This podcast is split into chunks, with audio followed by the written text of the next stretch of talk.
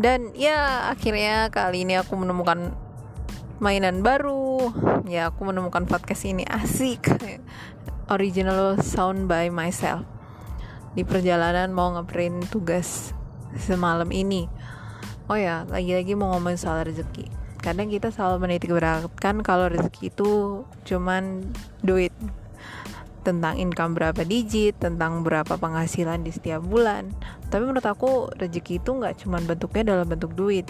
Punya badan yang gak gampang sakit dan gak pernah kena covid, itu rezeki.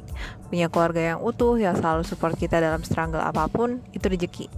Punya pacar, sahabat, teman yang selalu ada di sama kita yang bisa nge-deep talk kapan pun, itu rezeki. Punya jadi orang yang gampang seneng dan gak perlu self reward yang aneh-aneh itu rezeki. Jadi syukurin apa pun itu karena kita nggak tahu sampai kapan. See you